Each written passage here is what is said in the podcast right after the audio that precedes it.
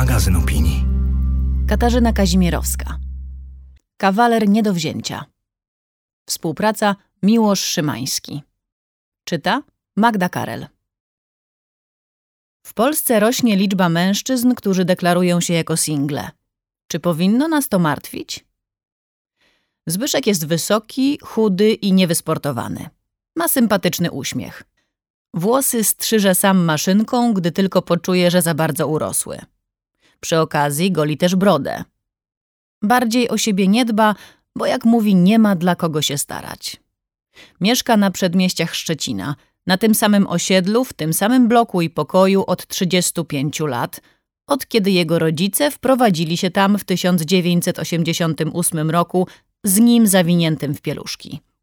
Ma niewielu znajomych i unika wychodzenia z domu, ale jak twierdzi, jest bardzo zadowolony ze swojego życia.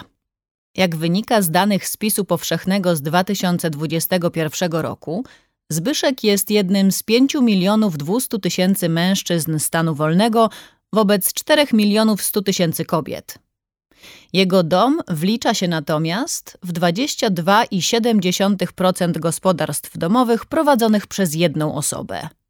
To wzrost o 2,4 punktu procentowego w porównaniu z danymi ze spisu powszechnego z 2011 roku.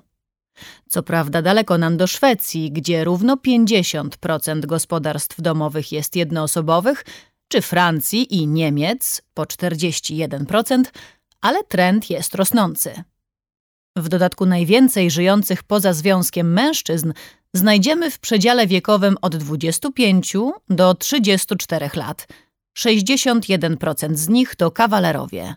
W tym samym przedziale 45% kobiet deklaruje status panny. Mówimy o Polsce, ale w Stanach Zjednoczonych demografowie borykają się z tym samym problemem. Jak żartobliwie pisze dziennikarka Guardiana Arwa Madawi w artykule Czemu młodzi mężczyźni przestali kochać związki romantyczne, seks wychodzi z mody. Według badań coraz mniej młodych ludzi decyduje się na związki, jeszcze mniej na posiadanie potomstwa. Amerykański Instytut Centrum Badawcze Pew w lutym 2023 roku opublikował badania, z których wynika, że 63% mężczyzn do 30 roku życia określa siebie jako singli w porównaniu do 34% singielek w tym samym przedziale wiekowym. I nie dotyczy to tylko osób heteroseksualnych. 62% amerykańskich gejów mówi to samo w porównaniu do 37% lesbijek. Madawi nie dodaje, co na szczęście uzupełnia Angela Haupt w tekście Tak, single mogą być zdrowi i szczęśliwi, stajma, że na ogólną, bez podziałów wiekowych, pulę blisko 40% dorosłych singli w Ameryce, połowa jest zadowolona ze swojej sytuacji i nie planuje randkować ani łączyć się w związki. Wróćmy do Zbyszka. W którym momencie zdecydował, że życie w pojedynkę to model dla niego? Zawsze byli obecni rodzice i starszy o 9 lat brat, a centrum jego świata stanowił 11-metrowy pokój w klasycznym M3 na czwartym piętrze bloku bez windy. Zwłaszcza odkąd brat wprowadził go w gry wideo. Nie potrafiłem jeszcze czytać ani pisać, kiedy mój nastoletni brat pokazał mi konsolę Atari i Pegasus. Mocno się wkręciłem w gry wideo i tak zostało do dziś, opowiada Zbyszek. W klasie maturalnej już w kwietniu zrezygnował ze szkoły. Nie podszedł do egzaminu dojrzałości, choć nie miał kłopotów z nauką. Zawsze wyciągał truje i czwórki. Po prostu uznał, że nie pójdzie na studia. Dzięki temu miał więcej czasu na granie. Nie lubię marnować czasu na rzeczy, które mi się w życiu nie przydadzą. Ucina. A granie? Granie nie jest stratą czasu, bo mnie relaksuje. Najpierw z rodzinnego uniwersum zniknął brat. Zamienił swój pokój na przedmieściach Szczecina na mniejszy w Londynie. A po siedmiu latach wyemigrował jeszcze dalej, do Kanady. Już po czterdziestce ożenił się tam ze starszą od siebie o kilka lat córką emigrantów z Chin. Kupili razem wygodny dom na przedmieściach, w którym planują się zestarzeć. Zbyszek ma mocną więź z bratem, są ze sobą w stałym kontakcie. Kilka lat po wyjeździe brata zniknęła matka. Zmarła na raka. Zbyszek mocno to przeżył. Po jej śmierci zniknął też jego ojciec. Jako prawie siedemdziesięciolatek znalazł sobie nową partnerkę i przeprowadził się do niej na wieś. Zbyszek został sam na trzech pokojach, ale korzysta głównie z tego najmniejszego, swojego dziecięcego, bo tak mu wygodnie. Mówiąc korzysta, ma na myśli, że spędza w nim niemal cały czas. Pracuje, odpoczywa, śpi. Po szkole zaczął się najmować do, jak mówi, łatwych prac. Tak minęło 10 lat. Najbardziej podobało mi się w monitoringu. Zawsze brałem nocki, więc wszyscy mnie lubili, bo nikt nie chce nocnych dyżurów. Siedziałem 12 godzin w pomieszczeniu z ekranami z widokiem z osiedlowych kamer, a do jednego z nich miałem wpiętego kompa. Grałem całą noc, a rano szedłem do domu, by trochę odespać i grać dalej, opowiada. Po stracie pracy, firma przegrała przetarg, przez rok żył tylko z oszczędności. Gdy mu się skończyły, zrobił kurs spawacza i spędził dziewięć miesięcy w firmie serwisującej wagony kolejowe. Podczas okresowych badań kontrolnych okazało się, że od palenia ma zniszczone płuca.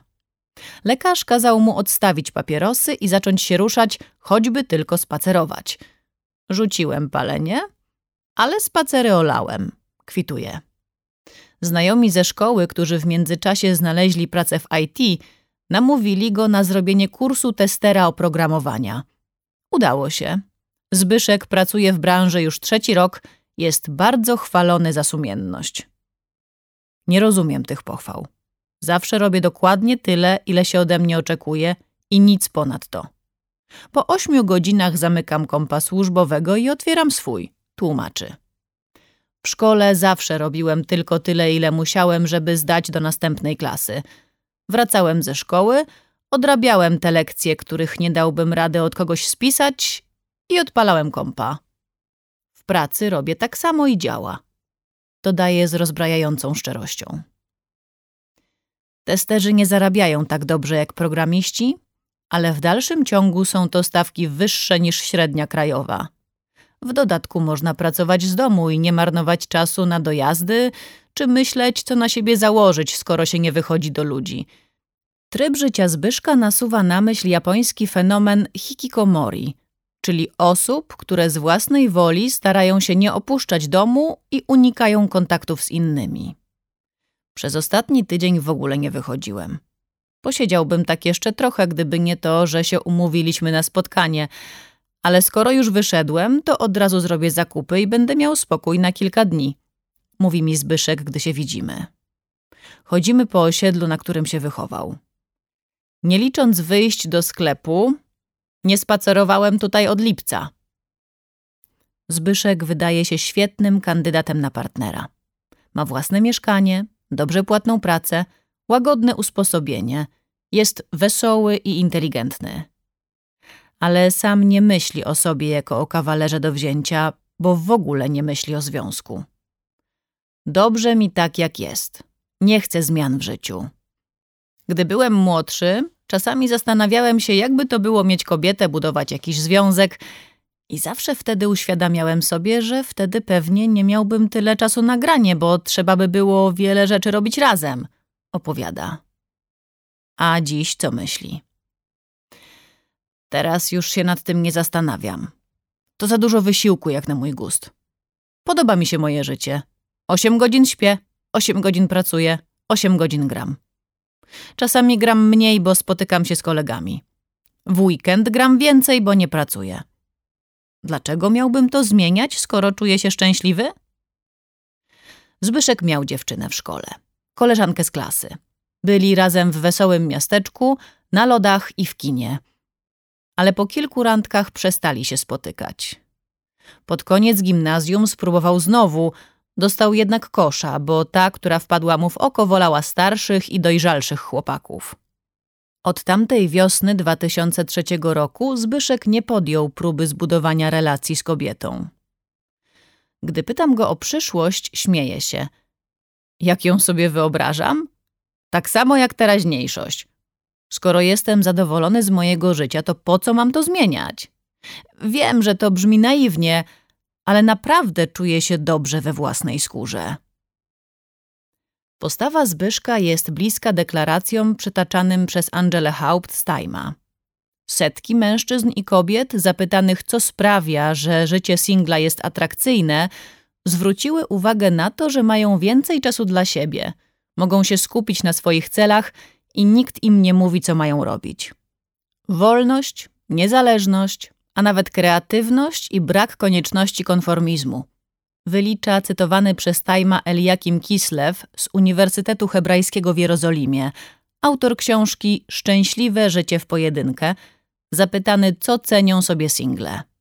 Pragnienie związku tylko wzmacnia przepaść między naszą rzeczywistością a marzeniem. Dodaje. Twierdzi, że ludzie skoncentrowani na tym, czego nie mają, często są nieszczęśliwi, a im bardziej chcą być w związku, czyli im bardziej koncentrują się na braku partnera bądź partnerki, tym mniej zadowoleni są ze swojego życia w ogóle. Opowiadam o Zbyszku psychologowi społecznemu z Uniwersytetu SWPS, Tomaszowi Grzybowi, dodając, że razem z Miłoszem Szymańskim chcemy się dowiedzieć, czy heteroseksualni cis-mężczyźni cierpią z powodu samotności i braku intymnej relacji, czy może mamy do czynienia z rosnącą grupą zadowolonych ze swojego statusu singli. Pomijając konflikty na świecie, w Polsce mamy raczej stabilną sytuację. Wiemy, co włożymy do garnka, zagrożenie z zewnątrz nie jest wyraźne, więc możemy mniej się przejmować normami społecznymi, oczekiwaniami czy powinnościami, bo nasze prywatne życie nie zależy tak bardzo od innych ludzi. Sami możemy podejmować życiowe decyzje. Mówi o motywach stojących za rezygnacją z łączenia się w pary. Kiedy przytaczam badania wskazujące na rosnące zadowolenie singli z takiego stylu życia, Grzyb wtrąca, że człowiek to zwierzę ultraspołeczne i potrzebuje blisko siebie najważniejszych osób. Ale przyznaje też, że często te role zaczynają odgrywać przyjaciele. Są przy nas w najważniejszych momentach w naszym życiu. Z nimi budujemy naszą rutynę i rytuały codzienności. O znaczeniu przyjaźni pisała Karolina Lewestam, pismo numer 12 z 2019 roku. O komentarz proszę jeszcze Sławomira Prusakowskiego, psychologa z Katedry Psychologii Społecznej Uniwersytetu SWPS we Wrocławiu. Gry komputerowe mocno stymulują ośrodek nagrody, w związku z czym łatwo nimi wyciszyć inne potrzeby, zagłuszyć samotność. To współczesny rodzaj pustelnictwa społecznego, a gracze to eremici naszych czasów. Zaczyna. O uzależnieniu od gier wideo pisał Miłosz Szymański, pismo numer drugi z 2019 roku. Dodaje jednak, z punktu widzenia psychologii, pomagamy tym, którzy mają problem, bo nie akceptują siebie lub swojego życia. Jeśli jednak ktoś czuje się dobrze z własnym życiem, to nie interweniujemy. Psychologia nie zajmuje się unieszczęśliwianiem szczęśliwych, tylko wspieraniem nieszczęśliwych. Znam takich Zbyszków. Pojawiają się na studiach, czasem już w liceum. Zwykle wycofani, często bladzi, to te pokoje z zasłoniętymi roletami. Chudzi, albo w drugą stronę. Otyli mimo młodego wieku, bo granie w gry dobrze wchodzi z pizzą i piwem. Siedzą w sieci do późna. Chętni na pogadankę o życiu na czacie, ale już niekoniecznie w realu. Nieśmiali, z ciętym dowcipem często znudzeni życiem towarzyskim, ograniczającym się do grona najbliższych kumpli, tych samych od lat. Niektórzy odnaleźli się w manosferze, nieformalnej sieci blogów, stron internetowych i forów, których użytkownicy, mężczyźni, zajmują się kwestiami związanymi z męskością, którą Patrycja Wieczorkiewicz i Aleksandra Herzyk opisują w swojej książce Przegryw. Mężczyźni w pułapce gniewu i samotności – chcąc zrozumieć internetowe grupy incelskie. Ale nie trzeba być incelem z angielskiego involuntarily celibate, czyli żyjącym w niechcianym celibacie, by wieść taki tryb życia. Znajomy ze studiów, którego rzadko spotykałam na wspólnych imprezach, powiedział mi, że dla niego ideałem spędzania czasu jest siedzenie w domu w ciągu tygodnia i wypad do klubu go-go w weekend. niczego więcej nie potrzebował. Niczym hikikomori zamykał się w mieszkaniu rodziców, na kąpie zarabiał kasę, grał po godzinach, nie wychodził z pokoju chyba, że po coś do jedzenia, a w weekend wydawał zarobione pieniądze w klubach. Koledzy trochę się z niego podśmiewali, że wkłada setki dziewczynom za staniki i że w jeden weekend widział więcej nagich kobiet niż oni przez całe życie, a tracił rezon, gdy miał zagadać do koleżanki ze studiów. Patrycja Wieczorkiewicz nazywa typ postępowania, jaki wybrał Zbyszek, going their own way. Z angielskiego wybór własnej drogi. Oznacza on mężczyzn, którzy całkowicie rezygnują z relacji. Mogą zaprzestać poszukiwań partnerki, albo wręcz wyprowadzają się gdzieś, gdzie nie ma ludzi, czy wybierają takie życie, w którym nie ma interakcji z kobietami. Brak relacji romantycznych może rekompensować poczucie spełnienia na innym polu. Zbyszek spędza czas tak, jak chce, robiąc to, co lubi. Takie podejście nie jest bezpodstawne. Zresztą podobne zarówno u kobiet, jak i u mężczyzn, mówi doktorka Alicja Długołęcka, psychoterapeutka i edukatorka seksualna. Jeśli nie czujemy presji związanej z naszymi rolami społecznymi, z potrzebą reprodukcji, bo to istotny powód zawierania związków, to mamy o wiele większą wolność w dokonywaniu świadomych wyborów życiowych ścieżek. Badania pokazują, że mężczyźni mogą nie być zainteresowani budowaniem rodziny, bo nie jest to w kulturze Zachodu jedyny obowiązujący ich wzorzec. Żyjemy w czasach, kiedy możemy być wolni i podejmować bardzo różne decyzje. W najbliższym czasie singli z wyboru, zarówno kobiet, jak i mężczyzn, będzie coraz więcej, dodaje. Długołęcka zwraca uwagę jeszcze na to, że podstawą naszej dobrej kondycji psychicznej nie jest stan bycia w związku, tylko posiadanie więzi w ogóle. Czynnikiem wpływającym na długość i jakość naszego życia są relacje z przyjaciółmi, przyjaciółko-kochankami, z angielskiego friends with benefits, oznaczające przyjaciół uprawiających ze sobą seks, czy kochankami w relacjach romantycznych – i przede wszystkim w ogóle życzliwymi, wspierającymi ludźmi, którzy sprawiają, że czujemy się częścią wspólnoty. Czym innym jest izolacja społeczna i brak związku, przez co możemy czuć się samotni i nieszczęśliwi, zaznacza Długołęcka, a czym innym sytuacja, gdy ktoś realizuje swoje pasje, ma mocne więzi przyjacielskie i poczucie bezpieczeństwa bo to będzie wpływało na to, jak będziemy funkcjonować jako samodzielne dorosłe jednostki. Można się z tym zgodzić, ale rzeczywistość trochę zamazuje ten obraz seksualnej samowystarczalności mężczyzn i większej swobody przy rezygnacji ze związku romantycznego. Z raportu poświęconego samotności, przygotowanego w 2022 roku przez podlegający premierowi Instytut Pokolenia, wynika, że dużą samotność odczuwa 53% mężczyzn w wieku od 25 do 34 lat, wobec 41% kobiet. A w wieku od 35 do 49 lat dotyczy to porówno 40% przedstawicieli obu płci. W raporcie czytamy, że samotność wywołuje kumulujące się reakcje stresowe przez co osłabia układ odpornościowy i zwiększa ryzyko między innymi chorób serca o 29%, udaru o 32% i demencji o 64%. Oznacza to o około 30% większe prawdopodobieństwo przedwczesnej śmierci, w tym samobójczej. Alicja Długołęcka dodaje, że rezygnacja z bliskiej relacji, niekoniecznie romantycznej, może skutkować poczuciem osamotnienia, a w konsekwencji depresją, chorobą, samobójstwem. Zwłaszcza po pandemii psycholodzy zwracają uwagę na zjawisko skin hunger, z angielskiego głodu skóry, opisujące jak deprywacja dotyku wpływa negatywnie na nasze samopoczucie, odczuwanie lęku, problemy ze snem. Długołęcka podkreśla, że możliwość spełniania tej potrzeby przez dorosłych mężczyzn jest bardzo ograniczona – Kulturowe wzorce narzucają mężczyznom kojarzenie dotyku prawie wyłącznie z bliskością seksualną albo walką fizyczną. Kobiety realizują tę potrzebę w opiece nad dziećmi, zwierzętami, w siostrzanych relacjach. Mężczyźni dopiero uczą się czułości pozaseksualnej. Mam na głowie całą firmę. Owoc pracy trzech pokoleń, zaczyna Jurek. Ma pogodną, budzącą sympatię twarz. Zaproponował spotkanie w barze przy piwie.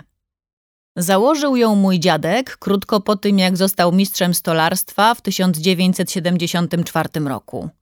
Był wtedy trochę młodszy niż ja dziś. Miał 30 lat. Mój ojciec, jak dziadek, zrobił papiery mistrzowskie i przepracował całe życie w rodzinnej firmie.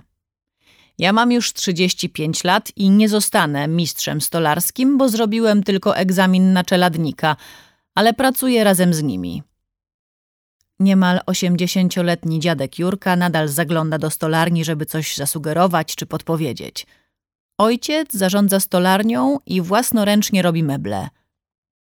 A Jurek obsługuje biuro. Spada na niego papierkowa robota. Faktury, zamówienia i doglądanie sklepów. Nigdy nie chciał być stolarzem. Interesowało go zarządzanie biznesem. Ale i tak musiał kilka lat przepracować w stolarni. W ciągu trzech i pół roku zaliczył po kolei wszystkie stanowiska w zakładzie i sklepie. W biurze pracuje już 11 lat, choć jako student ekonomii inaczej wyobrażał sobie życie. Biurowce ze stali i szkła. Flipcharty i klimaty jak z wilka z Wall Street. Jednak mój problem polegał na tym, że nie chciało mi się studiować. Mówi uśmiechając się.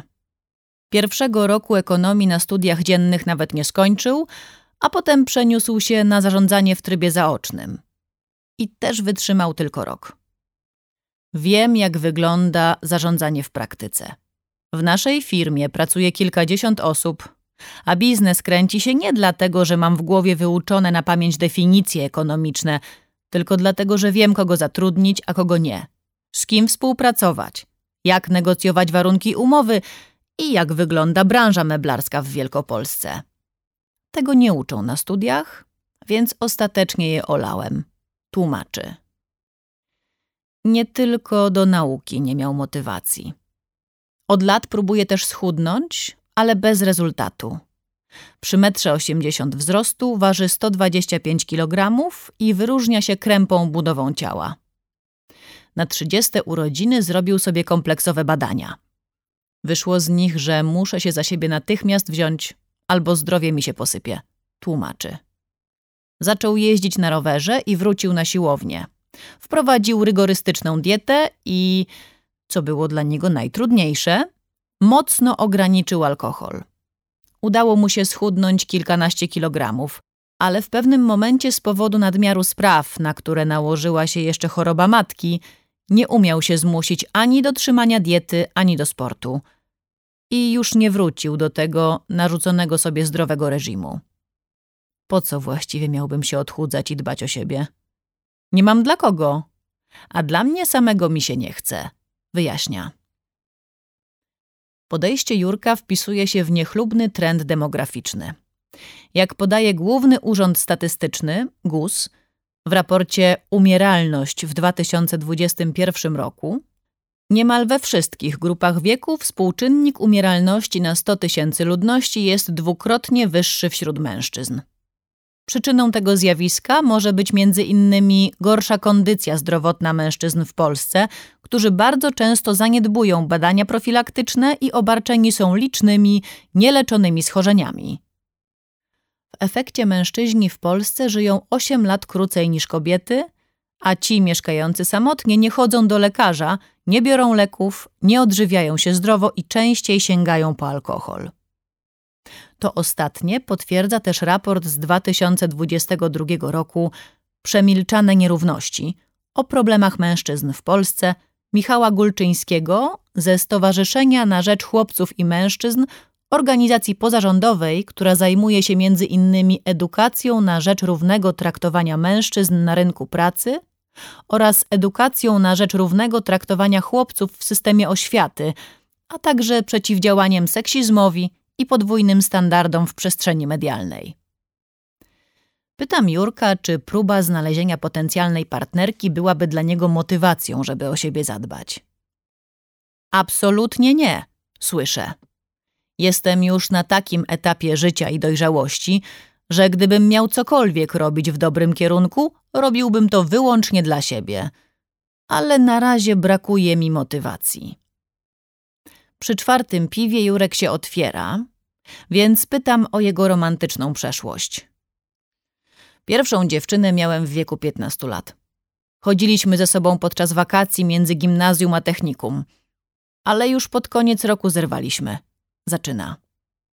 Druga dziewczyna pojawiła się dopiero 11 lat później. Związek trwał tylko rok, ale para zamieszkała ze sobą. Na początku było fajnie. Czułem, że mam po co żyć, opowiada. Ona lubiła podróże i bogate życie towarzyskie. Zacząłem się intensywnie odchudzać, bo wstydziłem się tak pokazywać z brzuchem, wspomina. Problemem okazał się alkohol. Dziewczynie Jurka przeszkadzało, że często imprezował. Kłóciliśmy się o to, ale niczego to nie zmieniło. Nie mogłem zrozumieć, o co jej chodzi. Poznaliśmy się przecież na imprezie. Nie jestem agresywny, kiedy się upiję. Nie krzyczałem na nią, nie awanturowałem się. Po prostu piliśmy wódeczkę z kolegami, najczęściej co weekend, a ona się irytowała, opowiada.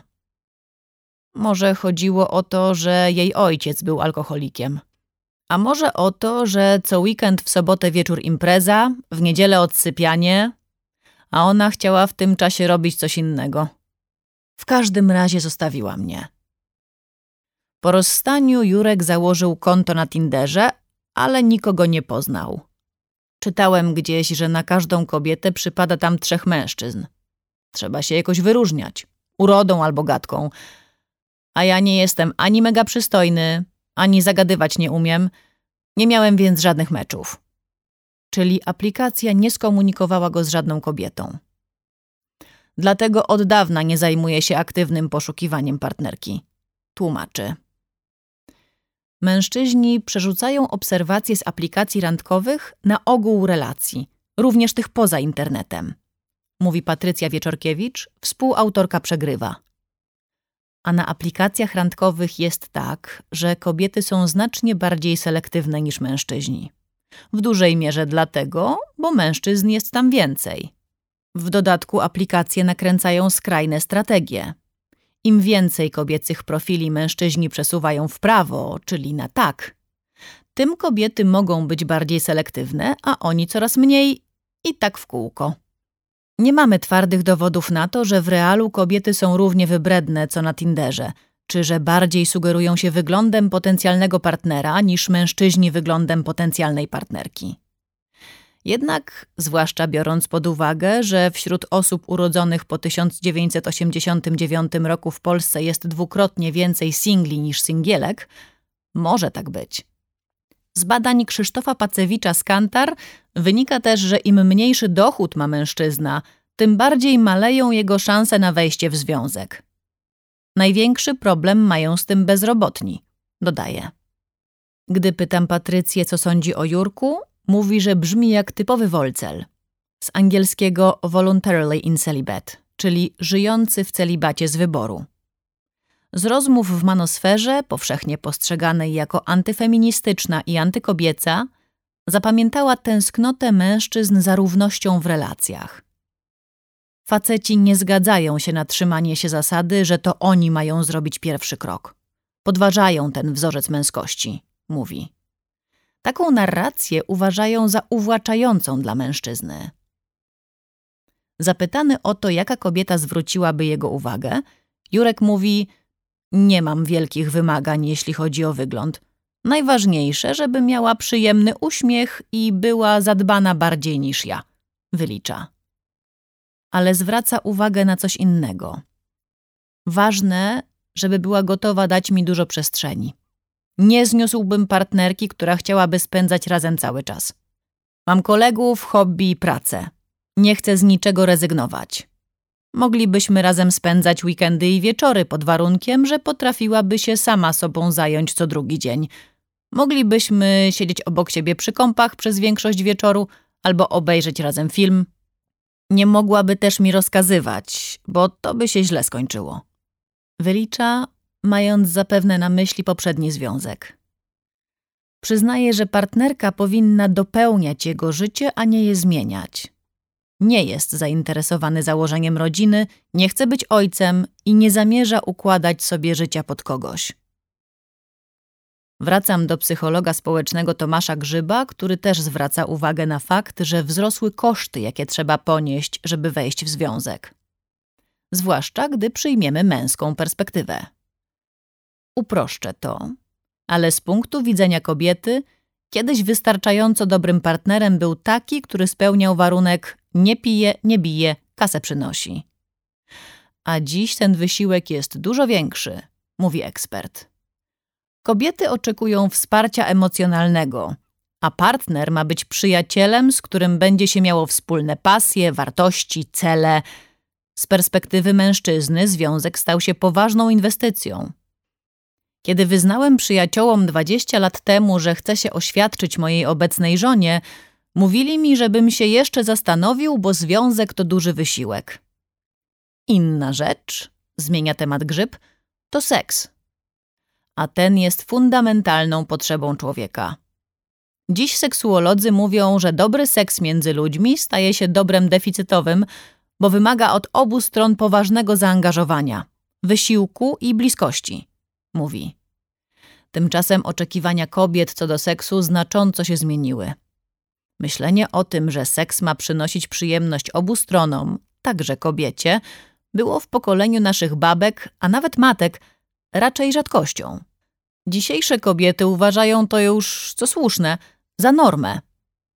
Ale to wymaga starań, myślenia o drugim człowieku, po prostu pewnego wysiłku. Jednocześnie mamy łatwiejszy dostęp do pornografii, która coraz lepiej symuluje rzeczywiste zachowania seksualne, a to oznacza, że nie trzeba się już tak starać, żeby z punktu widzenia faceta osiągnąć to samo bez wchodzenia w kosztowne i wymagające wysiłku interakcje. Zastanawiają mnie słowa Jurka, że to kobieta musiałaby się dopasować do niego. Dopytuje go o stosunek do równouprawnienia i oczekiwań po obu stronach. Odpowiada: Kobiety mają dobrze w tych czasach. Mamy równouprawnienie. Mogą robić co chcą. Efekt jest taki, że my, mężczyźni, musimy się bardziej starać, chociaż dla mnie to bez sensu. Na takim Tinderze średniaki nie mają szans. Każdy, kobiety też, może przebierać do woli, więc chce wybrać jak najlepiej. Nikt nie chce szukać średniaka. Każda kobieta szuka tam super samca z kwadratową szczęką. Mało która, widząc na Tinderze, jak na wystawie w sklepie samych najwspanialszych mężczyzn, będzie gotowa wybrać takiego zwyklaka jak ja. Przecież to pachnie porażką. Zespół przekonań Jurka określany jest w manosferze jako czerwona bądź czarna pigułka. Z angielskiego red pill i black pill, co jest nawiązaniem do kultowego w wielu kręgach filmu Matrix sióstr Wachowskich. Patrycja Wieczorkiewicz z Aleksandrą Herzyk w Przegrywie definiują red pill jako ideologię oznaczającą wyjście z symulacji i zauważenie, że żyjemy w matriarchacie, z którym należy walczyć zakłada, że kobiety pragną wyłącznie silnych, stereotypowo męskich mężczyzn, samców alfa. Najważniejszy w partnerze jest dla nich status i to, co może im zapewnić. Większość mężczyzn wyznających red pill miało lub nawet ma partnerki życiowe i lub seksualne, jednocześnie nienawidząc kobiet.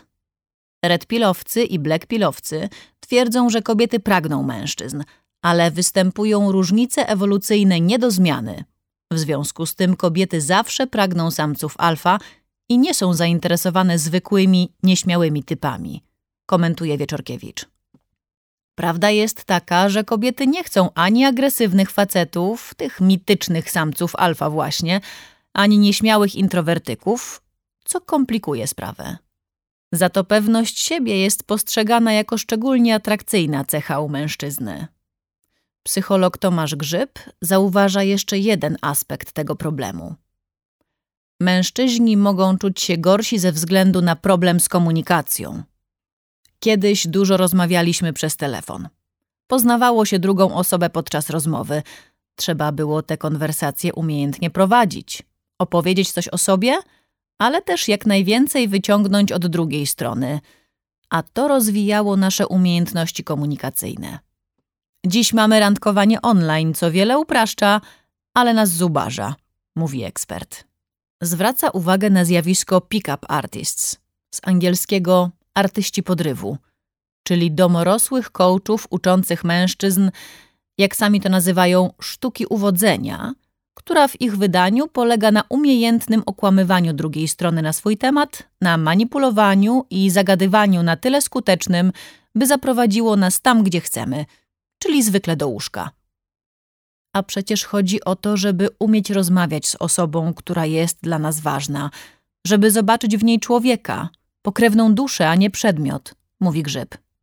Z perspektywy kobiet, co też pokazują badania, jak te z 2014 roku pod tytułem Sex Differences in the Implications of Partner Physical Attractiveness for the Trajectory of Marital Satisfaction, atrakcyjność fizyczna nie jest tak istotna, jak wydaje się mężczyznom. Ważniejsza jest właśnie umiejętność rozmawiania, dzielenia się swoimi emocjami i dawania wsparcia, zwłaszcza w przypadku długoterminowych relacji. Dodaje. Podczas pandemii zespół badaczy Single Lab z Uniwersytetu Adama Mickiewicza, UAM w Poznaniu, pod kierunkiem profesorki Katarzyny Adamczyk, grant finansowany ze środków Narodowego Centrum Nauki w Polsce, przeprowadził wywiady jakościowe z osobami, które nie są w związku. Wśród nich znalazło się 22 mężczyzn w wieku od 22 do 43 lat, którzy deklarowali, że nie są w związku od co najmniej 6 miesięcy.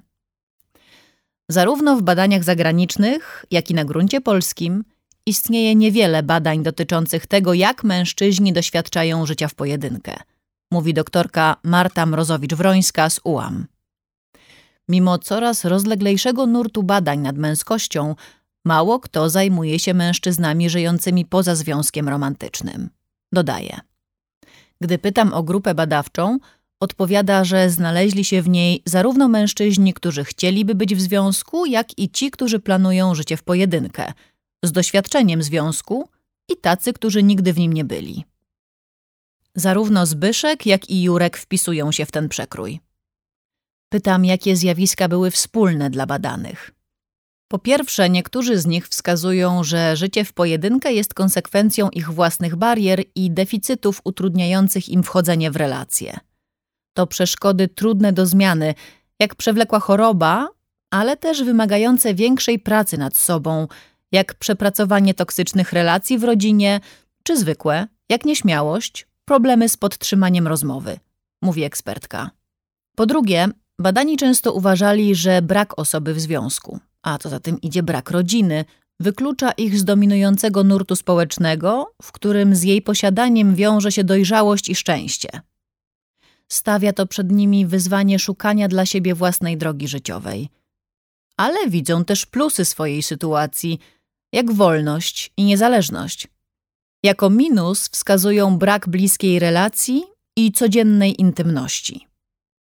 Przede wszystkim jednak konieczność życia w pojedynkę stawia ich przed potrzebą odpowiedzi na pytanie, co dalej. Czy aktywnie szukać kogoś, kto dzieliłby z nimi życie, na przykład za pomocą portali randkowych, czy zaczekać, aż ktoś odpowiedni sam się pojawi? Wylicza Mrozowicz-Wrońska. I zaprzecza, gdy sugeruje, że pewnie łatwiej im zrezygnować ze starań, a mówię to mając w pamięci Zbyszka i Jurka, niż podejmować trud związany ze zmianą, komunikacją i staraniem się. Wielu z naszych badanych było gotowych podjąć rozmaite działania – jak terapia poprawiania umiejętności społecznych, decyzja o wyprowadzeniu się z domu rodzinnego, aktualizacja profilu na portalach randkowych, nastawione na zwiększenie swoich szans na dobry związek, o czym mówili wprost w wywiadach. Jeśli czuli, że ich trudności są głębokie i mało podatne na zmianę, skłaniali się w stronę rezygnacji z prób znalezienia kogoś bliskiego – ale jeśli uważali, że zmiana jest w ich zasięgu, a posiadanie bliskiej osoby było dla nich istotne, byli gotowi nad sobą pracować. Część w trakcie badania była już w długoterminowej terapii. Niektórzy rozważali taką możliwość. Inni starali się pracować na przykład nad swoimi umiejętnościami prowadzenia ciekawej rozmowy. Piotrek jest czterdziestolatkiem, choć wygląda na mniej. Uwagę przyciąga młodzieńczy błysk w jego ciemnych oczach. Wzrost ma przeciętny, podobnie jak budowę ciała, a karnację ciemną, regularnie poprawianą w pracy tropikalnym słońcem. Chciałby zbudować związek, ale w jego sytuacji to nie jest proste. Bo Piotrek jest marynarzem. Urodził się i wychował w małym miasteczku w województwie kujawsko-pomorskim. Skończył technikum elektryczne, a potem wyjechał do Szczecina. Studiował elektrotechnikę na tamtejszej politechnice, ale nie szło mu dobrze. Dużo imprezował i po trzech latach miał tyle zaległych egzaminów, że sam nie wiedział, który semestr udało mu się skończyć, a który nie i na jakie zajęcia powinien chodzić. Rzucił studia i poszedł do pracy jako elektryk budowlany. Nagle życie stało się prostsze. Mógł się skupić na zarabianiu pieniędzy. Był 2004 rok, Polska wchodziła do Unii Europejskiej, znajomi elektrycy zaczęli wyjeżdżać do pracy za granicę. Piotrek także nie miał problemu ze znalezieniem pracy i żądaniem podwyżek. Miał za to problem z kobietami. Był w kilku związkach, ale nic z nich nie wyszło. Gdy chce poznać szczegóły, wylicza na palcach. Z pierwszą, poznaną na studiach, nie mogli się dogadać. Z drugą nawet zamieszkał, ale irytowało go, że dopiero zaczęli związek, a ona chciała już zakładać rodzinę. Trzecia go zdradzała, gdy był w pracy. Kiedy on miotał się w związkach, jego rodzice zaczęli naciskać, żeby się ustatkował. Oni są bardzo staroświeccy. Urodzili się tuż po wojnie. Ciągle stawiali mi za wzór mojego starszego brata, który wszystko zrobił tak, jak chcieli. Najpierw studia prawnicze w Toruniu, zaraz po nich żona, dwoje dzieci, dom pod miastem i ładne auto. Jak przyjeżdża w odwiedziny, to rodzice chodzą uśmiechnięci, a potem matka opowiada sąsiadkom, jak to sobie syneczek pięknie radzi w życiu. Mną się nie chwalili, bo nie było czym. Ani kariery, ani żony, ani dzieci. Opowiada. Zamiast wysłuchiwać rodzicielskich żali, postanowił odmienić swoje życie. Dobry moment trafił się w 2009 roku, krótko po jego 27 urodzinach. Kładł wtedy instalację elektryczną w domu pewnego marynarza. Inwestor był oficerem mechanikiem u jakiegoś zagranicznego armatora. Pływał na kontenerowcu, więc wiedział dokładnie, którego dnia będzie mu strować na statek, czyli zatrudniać kogoś jako członka załogi. I w tym czasie chciał zakończyć kolejny etap budowy domu. Znał się trochę na elektryce, więc pomagał mi przy pracy i opowiadał o życiu na morzu. Od niego dowiedziałem się, że na statkach też potrzebują elektryków i że dobrze płacą. Mój ówczesny szef mnie wkurzał. Chciałem się wyrwać w świat i oderwać od rodziców, którzy dzwonili do mnie co kilka dni i wypytywali o moje prywatne sprawy, opowiada.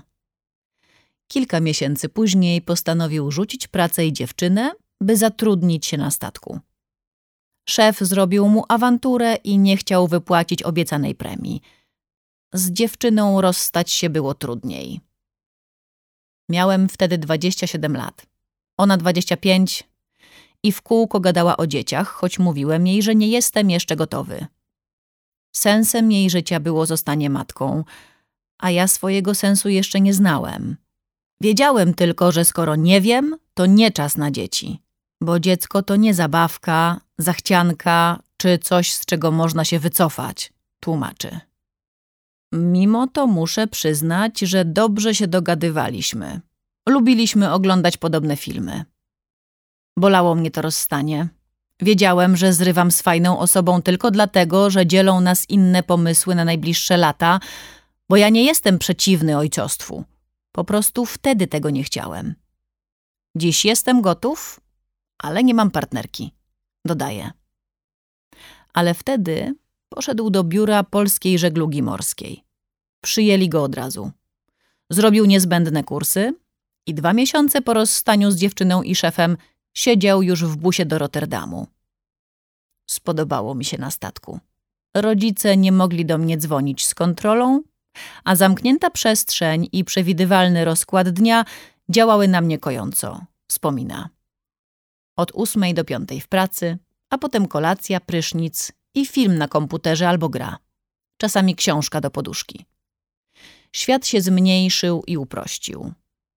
Pensja kadeta elektrycznego nie była duża, ale na drugi kontrakt pojechał już jako asystent i wyciągał 2000 dolarów miesięcznie, zdecydowanie więcej niż jako elektryk na budowie. Postanowił wtedy postawić dom, czego do dziś żałuje. Rodzice kupili dom z wielką działką na wsi pod naszym miasteczkiem, więc pomyślałem, że postawię na tej działce własny mały domek. Zaczyna. Wydawało mi się to dobrym pomysłem. Przez pół roku jestem na kontrakcie, więc nie martwię się o chatę.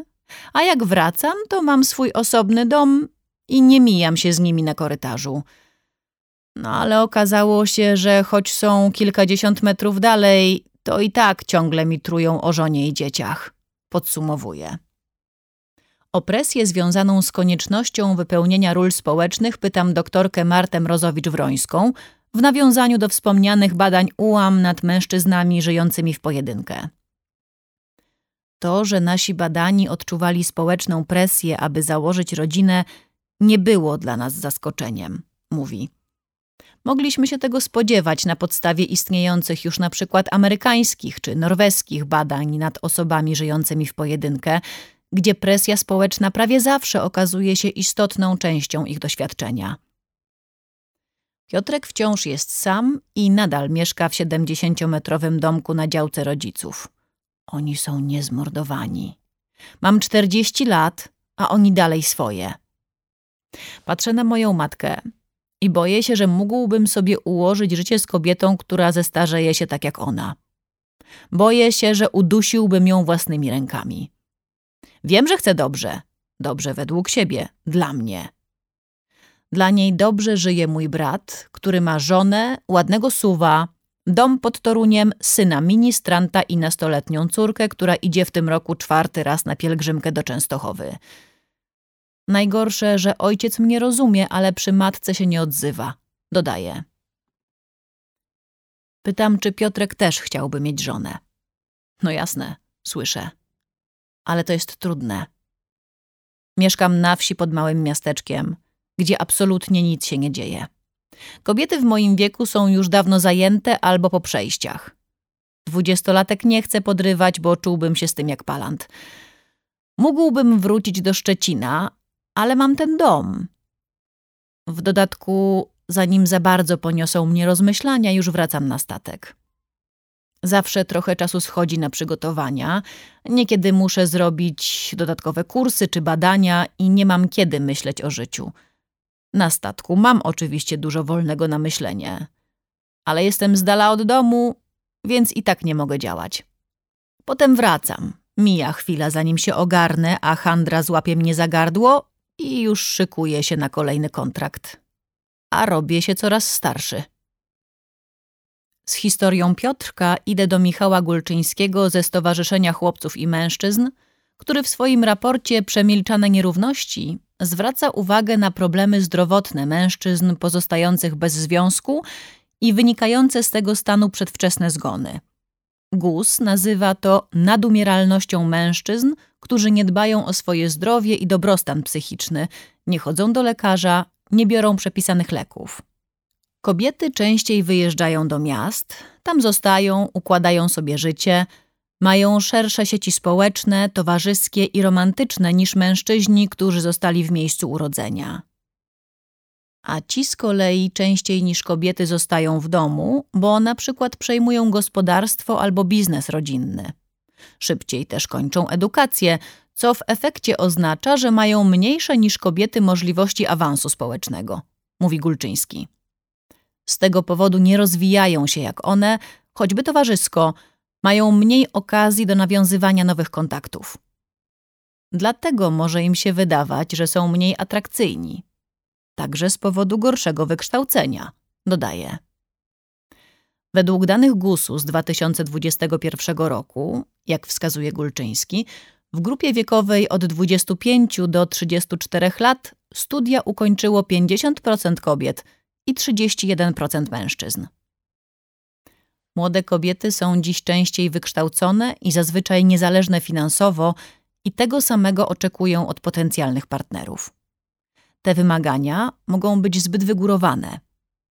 Natomiast przesadą jest twierdzenie, że mężczyźni mają inne oczekiwania względem związku niż kobiety, podkreśla Gulczyński, wskazując na badania Cebosu z 2020 roku, z których wynika, że zarówno kobiety 57%, jak i mężczyźni 59% chcieliby partnerskiej formy związku.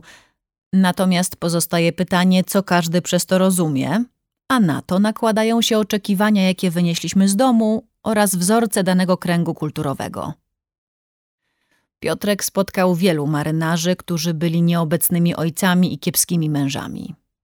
Takich, którzy po 20 czy 30 latach na morzu byli w domu obcymi ludźmi. Boję się być kimś takim. Wiesz, żona uczy się żyć bez ciebie. Wszystko sobie układa, a potem nagle wracasz do domu po pół roku na statku. Nie tak sobie wyobrażam życie rodzinne. Wzdycha. Z drugiej strony trudno w moim wieku zbudować związek od zera, kiedy pół roku jestem na morzu. Raz spróbowałem. Moja była randkowała, kiedy ja byłem na statku. Zrobiłem jej awanturę, a ona wypaliła mi prosto w twarz, że ciągle mnie nie ma, a jej brakuje chłopa. Po tych wszystkich nieudanych próbach wiem jedno. Potrzebuję Penelopy, która będzie na mnie czekać miesiącami. Piotrek miał dwa podejścia do powrotu na ląd. Za pierwszym razem przepracował miesiąc w swoim pierwszym zawodzie, po czym policzył sobie, że gdy będzie tak kłaść instalacje w domach przez rok, to zarobi tyle samo, co przez trzy miesiące na morzu. Za drugim razem poznał dziewczynę, z którą było mu dobrze, ale postawiła mu warunek. Musi zmienić pracę. Gdyby dało się zrezygnować z czegoś innego niż praca, to bym się zgodził. Piję rzadko, przeprowadzić się mogę wszędzie, nie wymagam dużo od kobiety.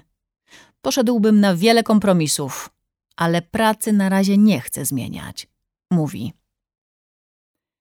Rezygnacja ze związku może wynikać z wyborów zawodowych lub związanych z życiową misją.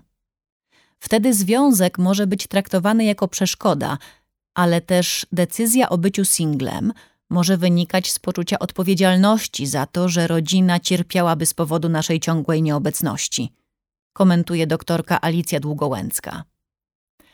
Uwarunkowania kulturowe, do których przywykliśmy, sprawiają, że mężczyźni rzadziej tworzą więzi. Kobiety, zwłaszcza w średnim wieku, częściej mają wokół siebie krąg wsparcia, co widać w inicjatywach grup pomocy, np. dla kobiet doświadczających przemocy, pacjentek onkologicznych, młodych matek, matek opiekujących się dziećmi z niepełnosprawnością. Mężczyźni tego nie mają, zwłaszcza polscy.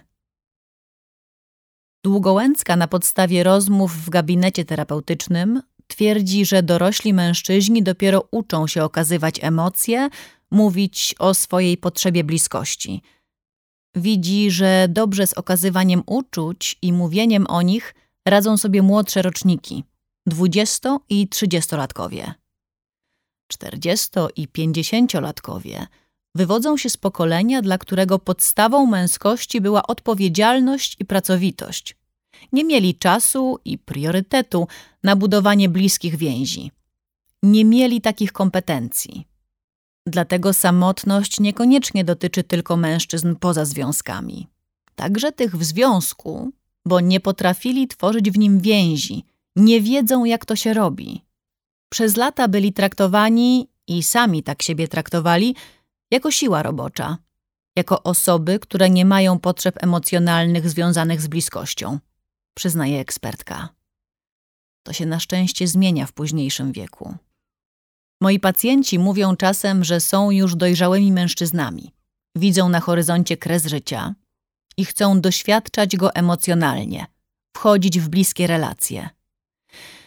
Widzą ten schemat dorastania, w którym oczekiwało się od nich bycia przydatnym, sprawczym, nastawionym przede wszystkim na zadania. Czują wewnętrzną pustkę wynikającą z tego odcięcia emocji i bardzo chcą to zmienić. O wychowywaniu w odcięciu od emocji mówi się na szczęście coraz więcej i głośniej. Z badań komunikacja w rodzinie, zwyczaje, bariery i potrzeby dzieci i młodzieży przeprowadzonych przez agencję badawczą K Plus Research by Insight Lab na zlecenie sieci sklepów Pepco we współpracy z Fundacją Unaweza, Fundacją Happy Kids i Towarzystwem Przyjaciół Dzieci wynika, że w co trzeciej rodzinie w Polsce nie mówi się o problemach, a jedynie 24% młodych ludzi rozmawia ze swoimi rodzinami o emocjach, częściej zaś o potrzebach materialnych. Z raportu Dojrzewanie polskich chłopców, opublikowanego we wrześniu 2023 roku przez In Future Institute, wynika z kolei, że dla co drugiego chłopca w okresie dojrzewania wyzwaniem jest życie uczuciowe, budowanie relacji oraz zdrowie psychiczne. Dla co trzeciego z nich relacje z rodzicami. Jednocześnie, jak czytamy w raporcie, Chłopcy zmagają się z funkcjonującymi w społeczeństwie stereotypami na temat mężczyzn i samym pojęciem męskości. W wywiadach pogłębionych mówili często o potrzebie przedefiniowania tego, czym jest męskość i nadania jej nowych, nowoczesnych cech. To, co chłopcy dziś już rozumieją, jest powodem udręki dla dorosłych mężczyzn. Wracam do Marty Mrozowicz-Wrońskiej z UAM z pytaniem, jak badani przez zespół Single Lab w wywiadach mówili o stereotypach związanych z męskością i o łączącej się z tym potrzebie zmiany narracji. Zacznę od koncepcji niepewnej męskości, bo od niej musimy wyjść. Zgodnie z nią, męskość nie jest atrybutem danym raz na zawsze i wynikającym jedynie z płci biologicznej, mówi ekspertka. Mężczyźni, aby być postrzegani jako prawdziwie męscy, muszą swoją męskość stale potwierdzać i udowadniać. Tradycyjnie oczekuje się od nich unikania wszelkich zachowań, które stereotypowo są uważane za kobiece. Tradycyjny mężczyzna ma ograniczone życie emocjonalne. Jest twardy, agresywny, polega wyłącznie na sobie. Jest mało empatyczny, nie troszczy się o innych i czerpie satysfakcję z przygodnego seksu. A z naszych badań nad mężczyznami żyjącymi w pojedynkę wyłonił się zupełnie inny obraz ich przeżyć i postaw. Po pierwsze, spora część badanych otwarcie mówiła o swojej niezrealizowanej potrzebie emocjonalnej, głębokiej więzi z partnerką bądź partnerem, potrzebie posiadania rodziny i doświadczania intymności relacji rodzinnych. Nawet jeśli byli zadowoleni ze swojego obecnego statusu osoby niebędącej w związku i nie czuli potrzeby jego zmiany, to brak takiej intymnej relacji postrzegali jako stratę, z którą muszą się godzić. Niektórzy odczuwali tradycyjną męskość jako niepasującą do ich osobowości i w tym upatrywali przyczyn bycia samemu. Nasi badani podkreślali, że seks bez więzi emocjonalnej nie jest czymś, czym byliby zainteresowani. Dodaje. Było to dla Państwa zaskoczeniem? Zaskoczyły nas szczerość i świadomość badanych w kwestii ich własnej, głębokiej, emocjonalnej potrzeby bycia z kimś w bliskiej relacji. To jest zaskakujące, bo stoi w sprzeczności ze stereotypowym wizerunkiem mężczyzny jako kogoś, kto jest twardy i tak naprawdę nie potrzebuje do szczęścia nikogo bliskiego. A nawet jeśli jest inaczej, to nie może tego otwarcie przyznać, bo zagrażałoby to jego męskości, którą w myśl wspomnianej teorii niepewnej męskości stale musi potwierdzać. Nasi badani starali się negocjować z dominującą kulturową narracją dotyczącą ogólnie mężczyzn i tych nie mających partnerki czy partnera, aby móc znaleźć swój własny, unikalny sposób doświadczenia życia w pojedynkę. Mam wrażenie, że udało im się wymknąć stereotypom i stworzyć własną narrację. Patrycja Wieczorkiewicz dodaje, że to nie męskość jako taka jest w kryzysie, a mężczyźni. Zagubieni, bo świat poszedł do przodu, a w tym czasie wzorzec męskości od lat niewiele się zmienił. Mogliby się zaangażować w walkę z patriarchatem razem z feministkami, ale zamiast tego tysiące z nich wpadają w manosferę, chłonąc skompromitowane od dawna w sferze akademickiej teorie z zakresu psychologii ewolucyjnej, której apologeci wyolbrzymiają psychologiczne różnice między płciami i przypisują uwarunkowaniom ewolucyjnym, choć według współczesnej wiedzy te różnice są minimalne. Patriarchalni guru z manosfery tłumaczą, że nie ma sensu walczyć z kultem samca alfa, bo to walka z naturalnym porządkiem rzeczy. Jednak na poziomie kulturowym ten wzorzec jest podtrzymywany również przez kobiety. Mówi, co mnie zaskakuje. Proszę o rozwinięcie. Nie jest tak, że kobiety chcą odejścia samca alfa. Raczej chcą jego ucywilizowania, oswojenia, wyjaśnia. Dziś mówi się o konieczności zmian tych elementów, które są opresyjne wobec kobiet, ale nie tych opresyjnych wobec mężczyzn. Wciąż mają być silni, zaradni, nie okazywać słabości, nie prosić o wsparcie. Zobacz, do tej pory nie było znaczącego ruchu męskiego przeciwko patriarchatowi. Nic dziwnego, bo samo przyznanie się przez mężczyzn, że nie dają sobie rady z oczekiwaniami, z presją bycia prawdziwym mężczyzną, postrzegane jest także przez kobiety jako degradujące, niemęskie, mówi Wieczorkiewicz. Trzeba o tym głośno mówić, bo nie da się rozmontować patriarchatu, zmieniając opresyjny wzorzec męskości tylko do połowy. We wspomnianych badaniach Single Lab mężczyźni pozostający poza związkami dzielili się swoimi przemyśleniami, na ile aktywnie starać się zmienić swoją sytuację. Jedni planowali zintensyfikować życie towarzyskie, licząc, że dzięki temu uda im się poznać więcej ciekawych osób, w tym może wymarzoną partnerkę. Inni czekali na impuls, który zachęciłby ich do napisania w aplikacji randkowej żeby to kobieta wykonała pierwszy krok, który ośmieliłby ich do podjęcia działania, podążenia za nim. Pewien trzydziestolatek podsumował swoje podejście tak. Cały czas czekam, choć może to dziwnie zabrzmi, ale po prostu czekam na swoją księżniczkę na białym koniu.